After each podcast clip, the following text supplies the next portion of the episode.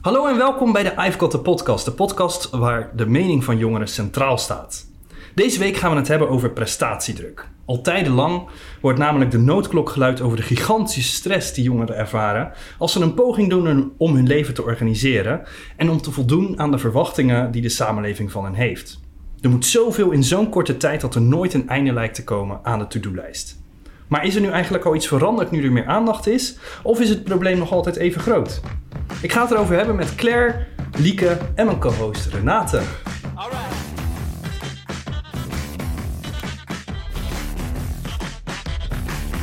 Uh, en allereerst, Claire, uh, dit is jouw eerste podcast, toch? Uh, nou, ik heb één keer eerder gedaan met een paar vrienden, maar dat was allemaal hartstikke onprofessioneel en zo.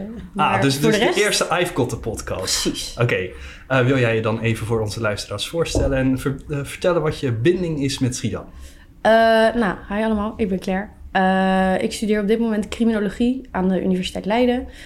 Ik heb hiervoor samen met Lieke op het Stedelijk Gymnasium Schiedam gezeten. Um, nou ja, dat is ook mijn link met Schiedam. Mm -hmm. uh, ik woon zelf in Vlaardingen, dus ik woon hier zelf niet in Schiedam, maar wel dus in de buurt. Vlakbij genoeg om er lekker over mee precies, te kunnen kletsen. Precies. Ja, welkom. Goed dat jullie er zijn.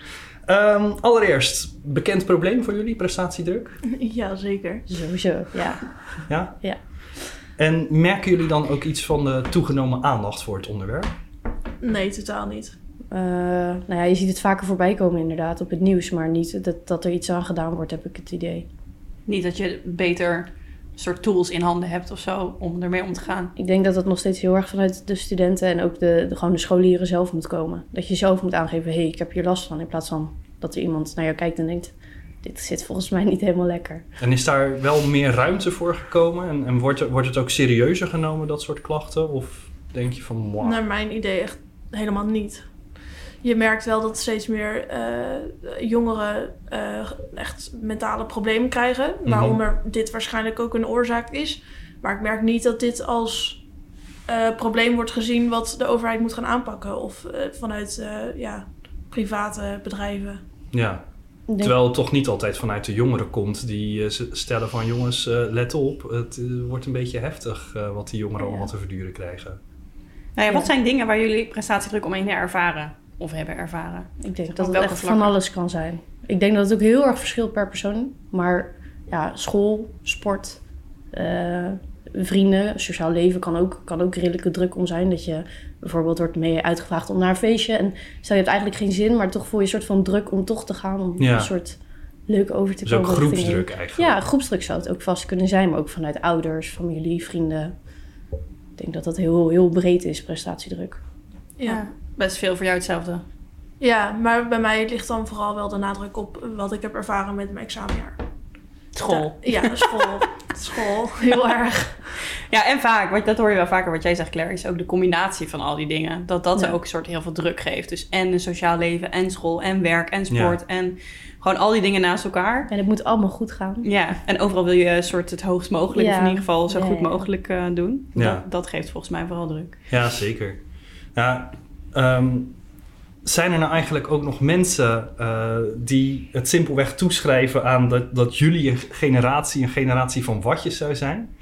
Hoor je dat wel eens? Van ja, nou dat moesten wij toch vroeger ook, waar doen ze moeilijk over? Oh, zeker wel. Dit zijn altijd de ja. classic comments op social media. Ja. Ja. ja. Van ja, de jeugd van tegenwoordig ja, heeft het allemaal zo zwaar. En kijk, ik snap dat het vroeger ook niet makkelijk was en ook niet leuk. Maar het is gewoon een hele andere samenleving die we tegenwoordig hebben. Met ook social media erbij. En ook daar komt weer druk vandaan. En ik denk gewoon dat de mensen die vroeger zijn opgegroeid, inderdaad ook zwaar hadden. Maar ja, wel een soort ander soort zwaar dan de jeugd van tegenwoordig. En ik denk niet dat de een minder is dan de ander. Die konden nog rustig uh, acht jaar over hun studie doen en zo. Ja, en, ja, ja. ja. Nou ja, wat ik ook wel merk is... wij zijn uh, heel erg bezig met mobiele telefoons en computers en dat soort dingen. En dat is ook gewoon echt een afleiding. Maar omdat je ermee opgroeit, ben je gewend om daar altijd mee om te gaan. Maar toch levert het een druk op.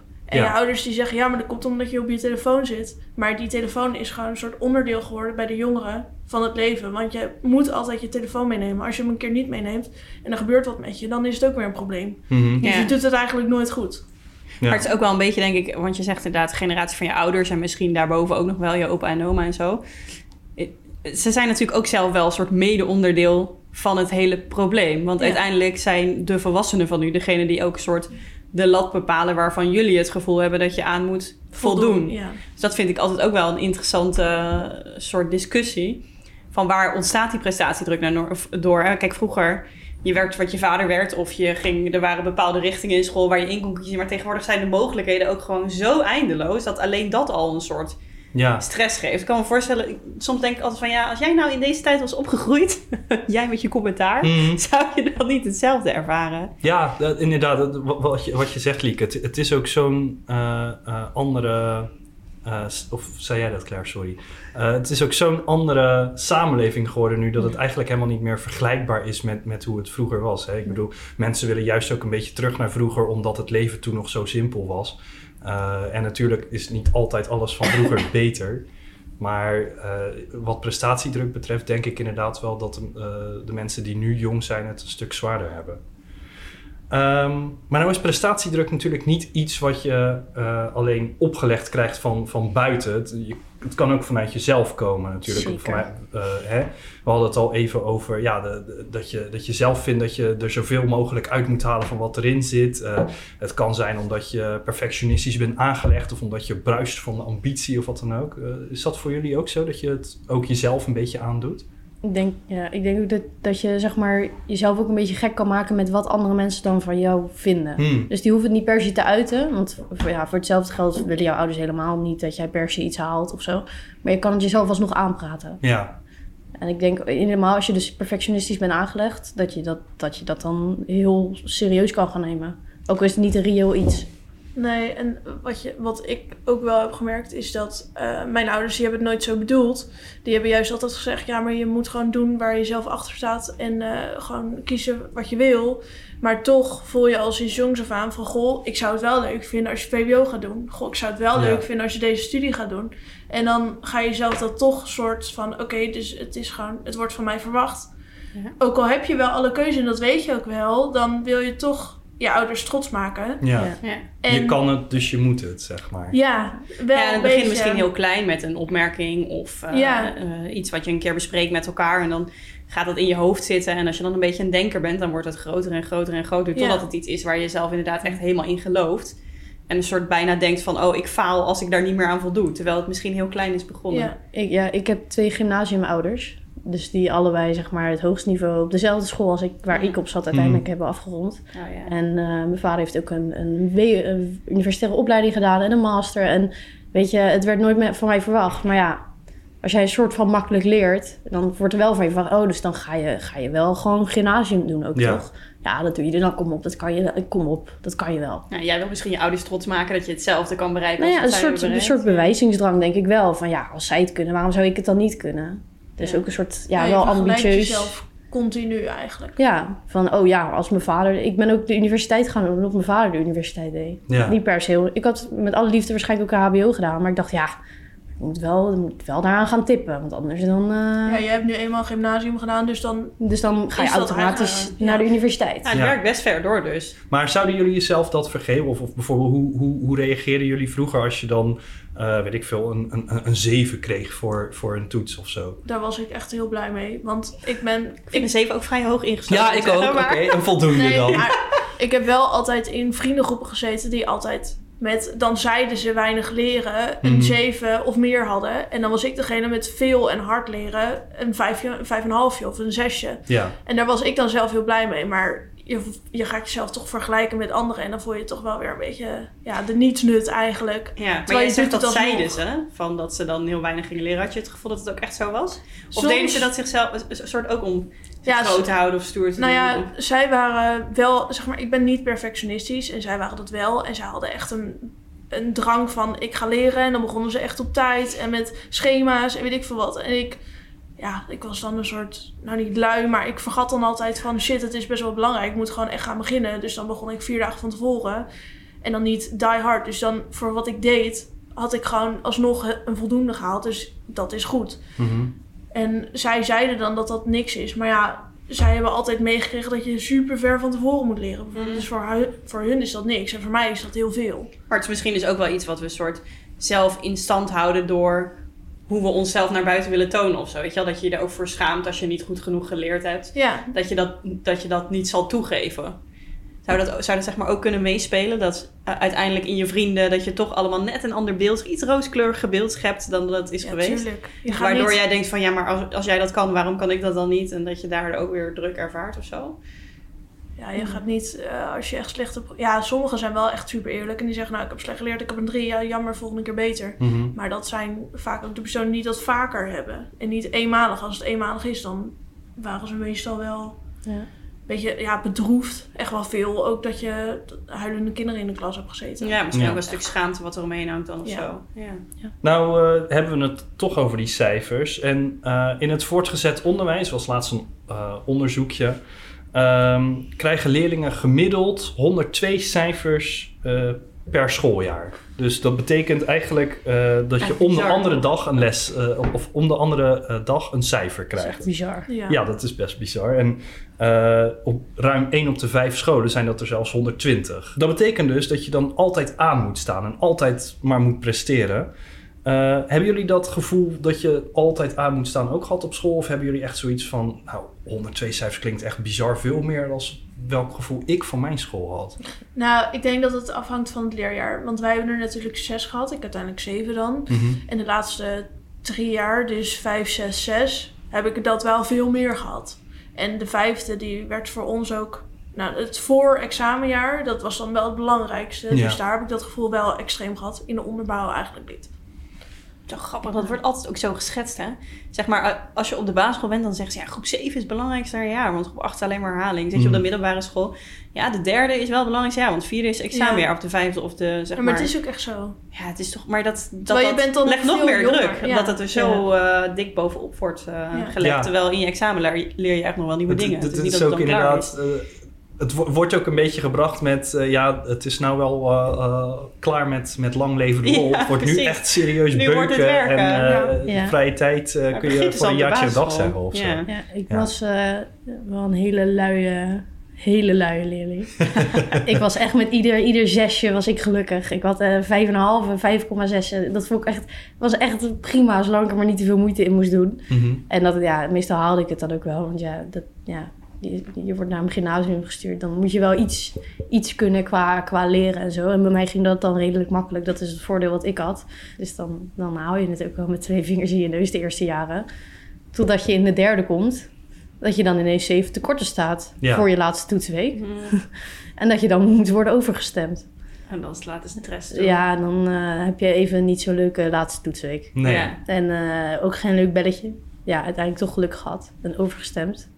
Maar Nou, en uiteindelijk hartstikke goed gehaald. ja, waar ik dan in de derde zeg maar zeven tekorten stond. Ook omdat er in mijn privéleven best wel dingen gaande waren.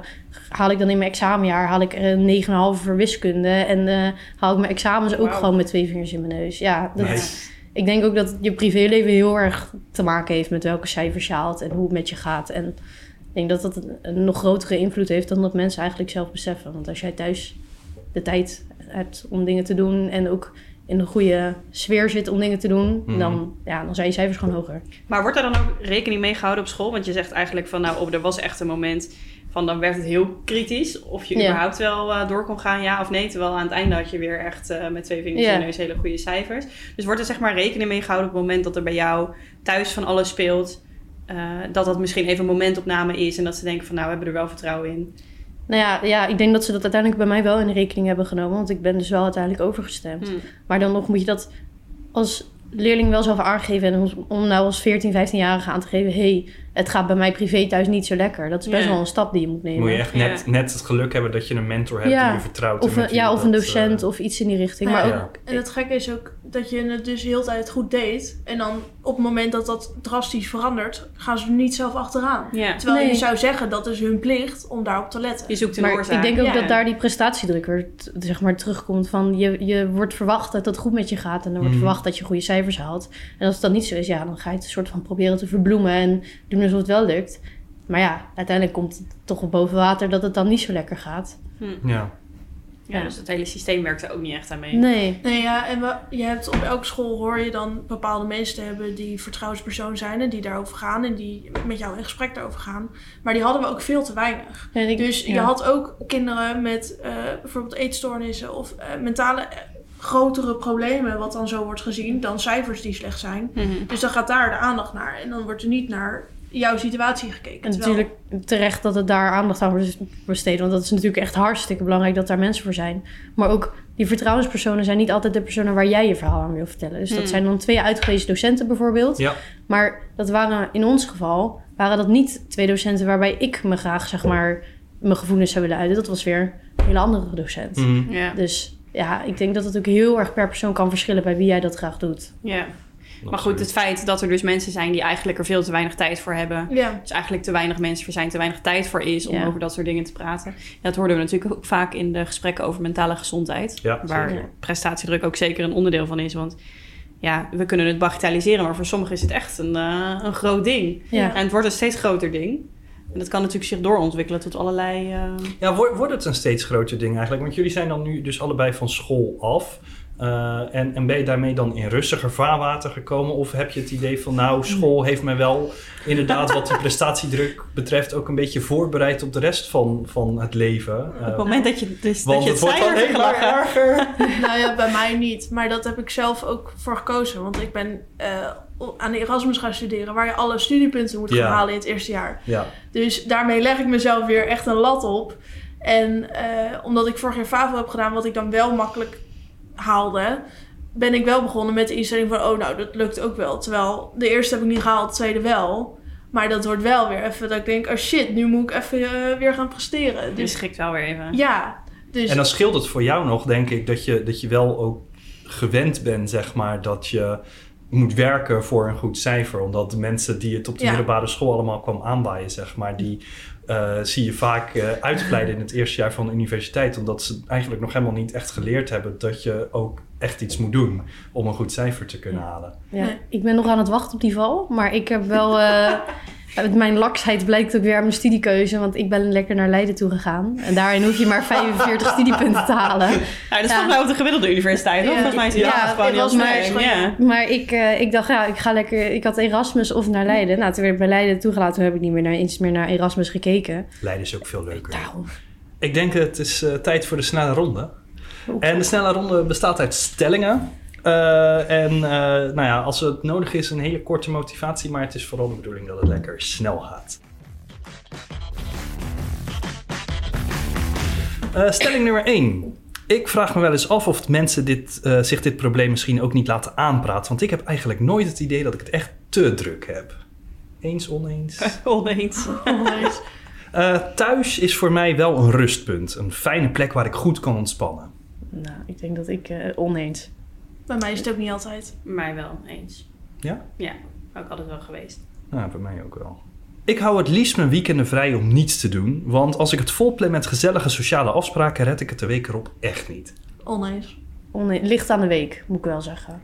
Ja, ik heb ook wel oneens, maar ik moet je wel zeggen, zeg maar toen in de coronapandemie, daar ging ik zo goed op dat niks meer mocht. Gewoon, ik kwam he ik werd helemaal, soort zen-modus kwam ik Ja. in terecht. En nu daarna alles weer doorging, dacht ik wel even van, ah, Er is mij wel eens door familie of vrienden gezegd dat ik het rustiger aan moet doen. Eens. eens. Ehm, eigenlijk niet. Ik heb me wel eens ziek gemeld toen ik dat niet echt was. Gewoon om even een dagje rust te hebben. Zeker weten. Ja, ik niet. Ik trek Nee, dat ik niet. ook niet. Nee. Echt, echt. Ik ga, ik ga door totdat ik er echt bij neerval. Maar dat is niet goed. Het zou eigenlijk beter zijn als wij ook ja konden zeggen hier. In dat eh, derde jaar, toen ik zeg maar niet eh, overgestemd moest worden, was ik gewoon iedere maand twee dagen. nou Ja. ja, of echt ziek van de stress, of, Mhm. gewoon, of gewoon dat ik dacht, ik ga niet. Ik heb Ja. hier geen zin in, ik ga niet. Ik hoop wel echt dat de aandacht voor prestatiedruk er ook voor zorgt dat er iets verandert. Want als ik mijn hele leven zoveel stress en druk moet voelen als nu, is dat niet goed voor mijn gezondheid. Eens. Ja, ik ook eens. Nou, voor sommige mensen komt er ook nog eens extra druk vanuit plekken die eigenlijk rust moeten geven. Eh, je hoort bijvoorbeeld vaak van jongeren met een andere culturele achtergrond bijvoorbeeld, eh, dat zij door hun familie ook flink gepusht worden om later een baan met zoveel mogelijk status en aanzien eh, te kunnen bemachtigen. Of je leest over ouders die een MAVO-advies voor hun kind opvatten als een persoonlijke belediging en op hoge poten naar de leerkracht stappen om er toch echt minstens HAVO uit te slepen, terwijl dat kind er zelf eigenlijk niet per se bij gebaat is. Wat zouden jullie kinderen en jongeren in dat soort situaties eigenlijk willen meegeven? En, en wat zou je dan tegen die ouders willen zeggen als eh zo, Ik zo zou die doen? ouders echt op hun kop willen slaan. Ja, dat is misschien een beetje agressief, maar ik word er echt boos van. Ik denk echt, laat je kind met rust. Want als je er nu al mee begint, dan verpest je het gewoon. Ja. ja, ik denk ook dat het eerder is dat we die ouders iets moeten meegeven dan die kinderen. Zeg maar. Je moet eigenlijk die kinderen in bescherming nemen tegen hun Ik zou, ouders. ja, Ja. ik zou gewoon tegen die kinderen zeggen van... Ja, rustig aan, het komt allemaal wel goed. Ja, Niet zoveel naar je oude- ouders luisteren. Gewoon lekker doen wat je zelf wil. ontwikkel jezelf. Ja, niet, te, niet te brutaal worden, maar Mhm. wel doen wat je zelf wil. En ja, aan die ouders zou ik zeggen, ja, waar ben je mee bezig? Kom Ja. op, het is een kind van, nou ja, MAVO-advies. En dan heb je het echt over 12-jarige kinderen. Ja, En dan wil je hem nu al een kant op gaan duwen die hij misschien zelf niet eens wil. misschien. Maar dat heeft misschien Ja, ook wel gemiddeld iets te krijg je tegen op maken. 7. Zijn ze 10 jaar Ja. zo? Krijg je voorlopig Maar ik vind dat Ja. ook echt klinkklare onzin. Ja. Ja. Dat, dat middelbare schooladvies je- is gebaseerd op een, e- op een CITO-toets en wat één leerkracht van je vindt. Ja, Nou ja, sorry. het klopt het bij mij ook niet. Want ik, op dat moment was mijn oom in overlijden, zeg maar die fase. Ik had gewoon MAVO-advies. Ik had op alles zo slecht gescoord. Toen heeft mijn docent wel gewoon gezegd van... Goh, ik weet dat je VWO kan, dus dat ga je gewoon lekker doen. Mhm.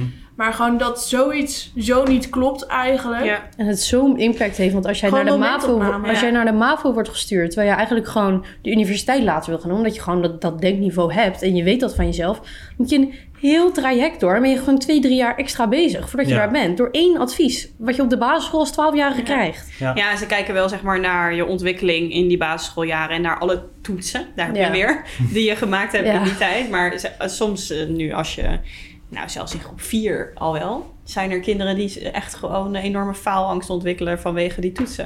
Ja. We hebben het over toetsen op de middelbare school, maar op de basisschool is het ook echt een... eh, Ja, Een en extreem. wij, wij hebben dan toevallig vorige week de kinderrechtenconferentie gehad. En eh, daarbij ging het natuurlijk dan ook even om mentaal welzijn. En uiteraard kwam prestatiedruk daarbij ook eh, kijken. En, en dit eh, onderdeel ook. En toen werd er ook door die kinderen gezegd zo van... ja, maar eh, ik wil later wel een goede baan. Want hè, je hebt een goed salaris nodig. Want klopt, ja, ja. eh, je, je moet allerlei dingen kunnen betalen. Maar ja, wat dan die goede baan was... dat beeld was veel te beperkt, Ja. zeg maar. En ja. Want- er werd ook helemaal niet zozeer over nagedacht van ja, het is vooral belangrijk dat je een baan hebt die je leuk vindt. Nee, de discussie die we voerden van wat is een goede baan en de uitleg die het kind gaf was...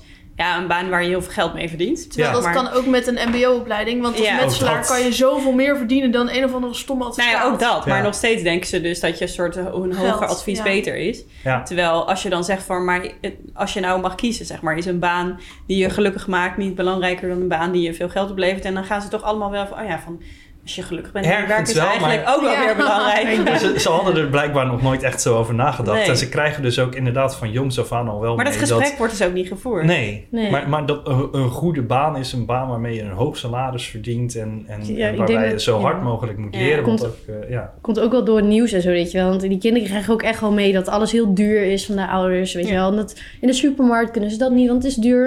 En dat is natuurlijk meer dan logisch. Maar die kinderen krijgen dat echt onbewust wel mee. Van, dus ik moet later heel veel geld gaan Ja. verdienen, Ja. Want anders dan red ik het niet. Nou ja, en het is van oudsher natuurlijk dat je met een universitaire diploma meer verdient dan met een mbo-diploma. Tegenwoordig Dat, dat is tegenwoordig helemaal is niet. dat helemaal Nee. niet meer zo. Nee. En daar hebben ze ook wel bewust hard aan gewerkt. Omdat ze natuurlijk dat mbo, dat, die, die, eh, dat imago ook willen opkrikken. Ja. Wat ook, ja, wat ook heel erg belangrijk Zeker. is. Ja. Ik was soms denk ik liever een mbo'er geweest dan een universitaire student. Want als ik iets met, iets met mijn handen kon maken of iets kon doen, iets daadwerkelijk kon doen, in plaats van een paar stomme woorden op een papiertje schrijven, had ik dat veel cooler gevonden Ja. Je, je, je ziet er veel directer aan Ja. af wat het nut Dat eigenlijk is geweest. ja. ik kan denken, maar ja, verder heb Maar er ik is dus wel een soort kanteling gaande. Alleen de vraag is, wanneer komt dat echt terecht op school? En doet het ook wat aan die cultuur met toetsen en zo hoog mogelijk Ja. scoren? En, dat eh, is dus gewoon klinkklare onzin. ja, waar beoordeel je eigenlijk op? Ja. Nou, we hadden het er net al even over, maar ook als je dan eindelijk de tijd hebt gevonden om iets voor jezelf te kunnen doen, kun je echt nog makkelijk wat extra druk opgelegd krijgen vanuit sociale eh, eh, cirkels en zo. Eh, maar waar we het nog niet over hebben gehad, is de social media en de druk die daarvan uitgaat als het gaat om prestatiedruk. Denk aan de fear of missing out, zeg maar, dat je Ja. alle leuke dingen ziet. En oh, daar had ik ook bij willen zijn. Oh, daar moet ik ook nog naartoe. Ik ga het eigenlijk niet redden, maar ik moet toch. Heb- hebben jullie daar last van ook? Nou, van FOMO heb ik echt nog nooit last van Nou, gehad. ik Daar ben wel. ik heel blij mee. Ja, ik wel. Ja. Echt, echt altijd. Je hebt gewoon elk feestje wil je meemaken. Ja, ik wil gewoon, ik wil gewoon niks missen. En dan, Hmm. dan, want dan worden er weer verhalen verteld en dan weet ik niet waar het over gaat. En dan denk ik, ja, dan lig ik dadelijk weer buiten de groep. En nou ja, dat gaat dan zo door. Dat is natuurlijk echt weer onzin, want ja, je ligt nergens buiten. Je bent, bent er gewoon... zijn waarschijnlijk ook wel iets groter. Je bent er gewoon, ja, dan is het van, oh, het was zo'n leuke avond. En we zijn met z'n allen uit geweest. En Ja. dit was er gebeurd. Toen zijn we daar nog heen geweest. En dan denk ik van, ja, maar je vertelt niet dat je door de zijkregen nog helemaal naar Rotterdam moest fietsen. En dat, dat, dat de kluisjes vol waren. En dat je je jas nergens kwijt kon. En Nee. dat vertel je dan weer allemaal niet. Dat het eerste uur hartstikke rustig was. Ja, maar op alle filmpjes die dan ook voorbij zien komen, denk je, oh, ik had mee moeten gaan. Hmm. Oh, ik had mee moeten gaan. Maar... Ja, Maar dat is wel social media ook. Want Oh, daar zie je al die filmpjes voor. En ook helemaal dat influencerleven, wat, wat je... Nou ja, dan, je hebt ook influencers die rechten, die gewoon rechten studeren, bijvoorbeeld, of criminologie. En dan zie ik dat en denk ik, nou, zo had ik er ook bij kunnen lopen. Wat heb ik dan, wat heb ik dan niet gedaan, wat jij wel hebt gedaan? Nou ja, op je achtste beginnen met YouTube. Dat heb je niet gedaan. Nee, nou... Het was wel... Ja, het was, nee, dan had ik, nee, sorry, maar dan had ik hier ook niet gezeten als ik op mijn achtste was begonnen met YouTube. Dan had ik, niet. had ik niet. geld gehaald, je wil niet weten. Ja, dat wel. Maar ja, je kan het toch niet terug... Ja, ik ben daar heel makkelijk in. Ik Of we moeten nu FOMO. beginnen. Jij kan het wat makkelijker loslaten. Ja, totaal. Maar doen dingen zeg maar, op social media jou dan ook minder? Mensen die alleen maar de gezellige dingen en de influencers die een fantastisch leven hebben en zo. dat Dat, doet mij echt helemaal niks. jou niks. Nee, Nee. ik denk echt van... Ik vind het prima hoe ik het nu allemaal heb. Het enige waar ik wel eh, echt wel een soort prestatiedruk had... was toen ik begon met deze opleiding. Toen ging ik daar helemaal in mijn eentje heen. En omdat ik dus een jaar achter liep... Hm. doordat ik FAVO heb gedaan... ben ik nu 20 en de meeste 18. Je was Of net ouder. 19. Ja. En ik was wel bang van, dadelijk maak ik geen vrienden. Want je begint de opleiding met duizend man. Ik bedoel, waar ga je ze vandaan halen? Hm. Van de 20 meiden, ik zat dan toevallig ook weer in de alleen de meidengroep. En vaak is dat toch wel een beetje gezeik. kwamen er op de laatste dag maar drie aanzetten waarvan ik er één was. Ja, Ja. dan heb je het ook niet leuk. En dan moet je nog leuke werkgroepen hebben. Nou ja, nu heb ik wel een leuk groepje, maar dat heeft wel gewoon 2,5 maand geduurd. Hm. En toen heb ik wel gedacht van shit, gaat me wel lukken. Vinden mensen me wel leuk? Eh, Ik kom denk- ik niet ja. luidruchtig over als ik altijd praat? Ik denk dat iedereen die van de middelbare school afkomt dat wel heeft. En ik denk dat iedereen die inmiddels zeg maar dan een jaar later die studie doet, dat echt 90% zegt, je moet je niet zo druk maken. Het komt echt wel goed. Dat heb ik Ja. ook tegen jou gezegd. Van, het komt echt wel goed. Ja, op het moment dat je naar de middelbare school gaat, is dat een soort veel natuurlijker. Je bent veel jonger, je bent echt nog een beetje kind. Je dus gaat nog met vriendjes ja, mee van de basisschool. En, om, ja. om, om dat contact te maken. Maar als je na, van de middelbare school naar je opleiding gaat, dan ben je zo bewust van jezelf. En wat jij net ook zei, wat anderen van je vinden. Nou ja, En iedereen heeft echt zijn eigen leven bij een Ja. opleiding. Je gaat en je, je komt en je gaat. Je ziet Ja. elkaar ook veel minder intensief. Ja, want op de middelbare school zit je vijf dagen bij elkaar in de klas. En Ja. een paar werkgroepen en een paar uh, hoorcolleges waarschijnlijk. Wat dat dan gaat, heb ik het ook wel met social media. Dat als ik nieuwe mensen leer kennen,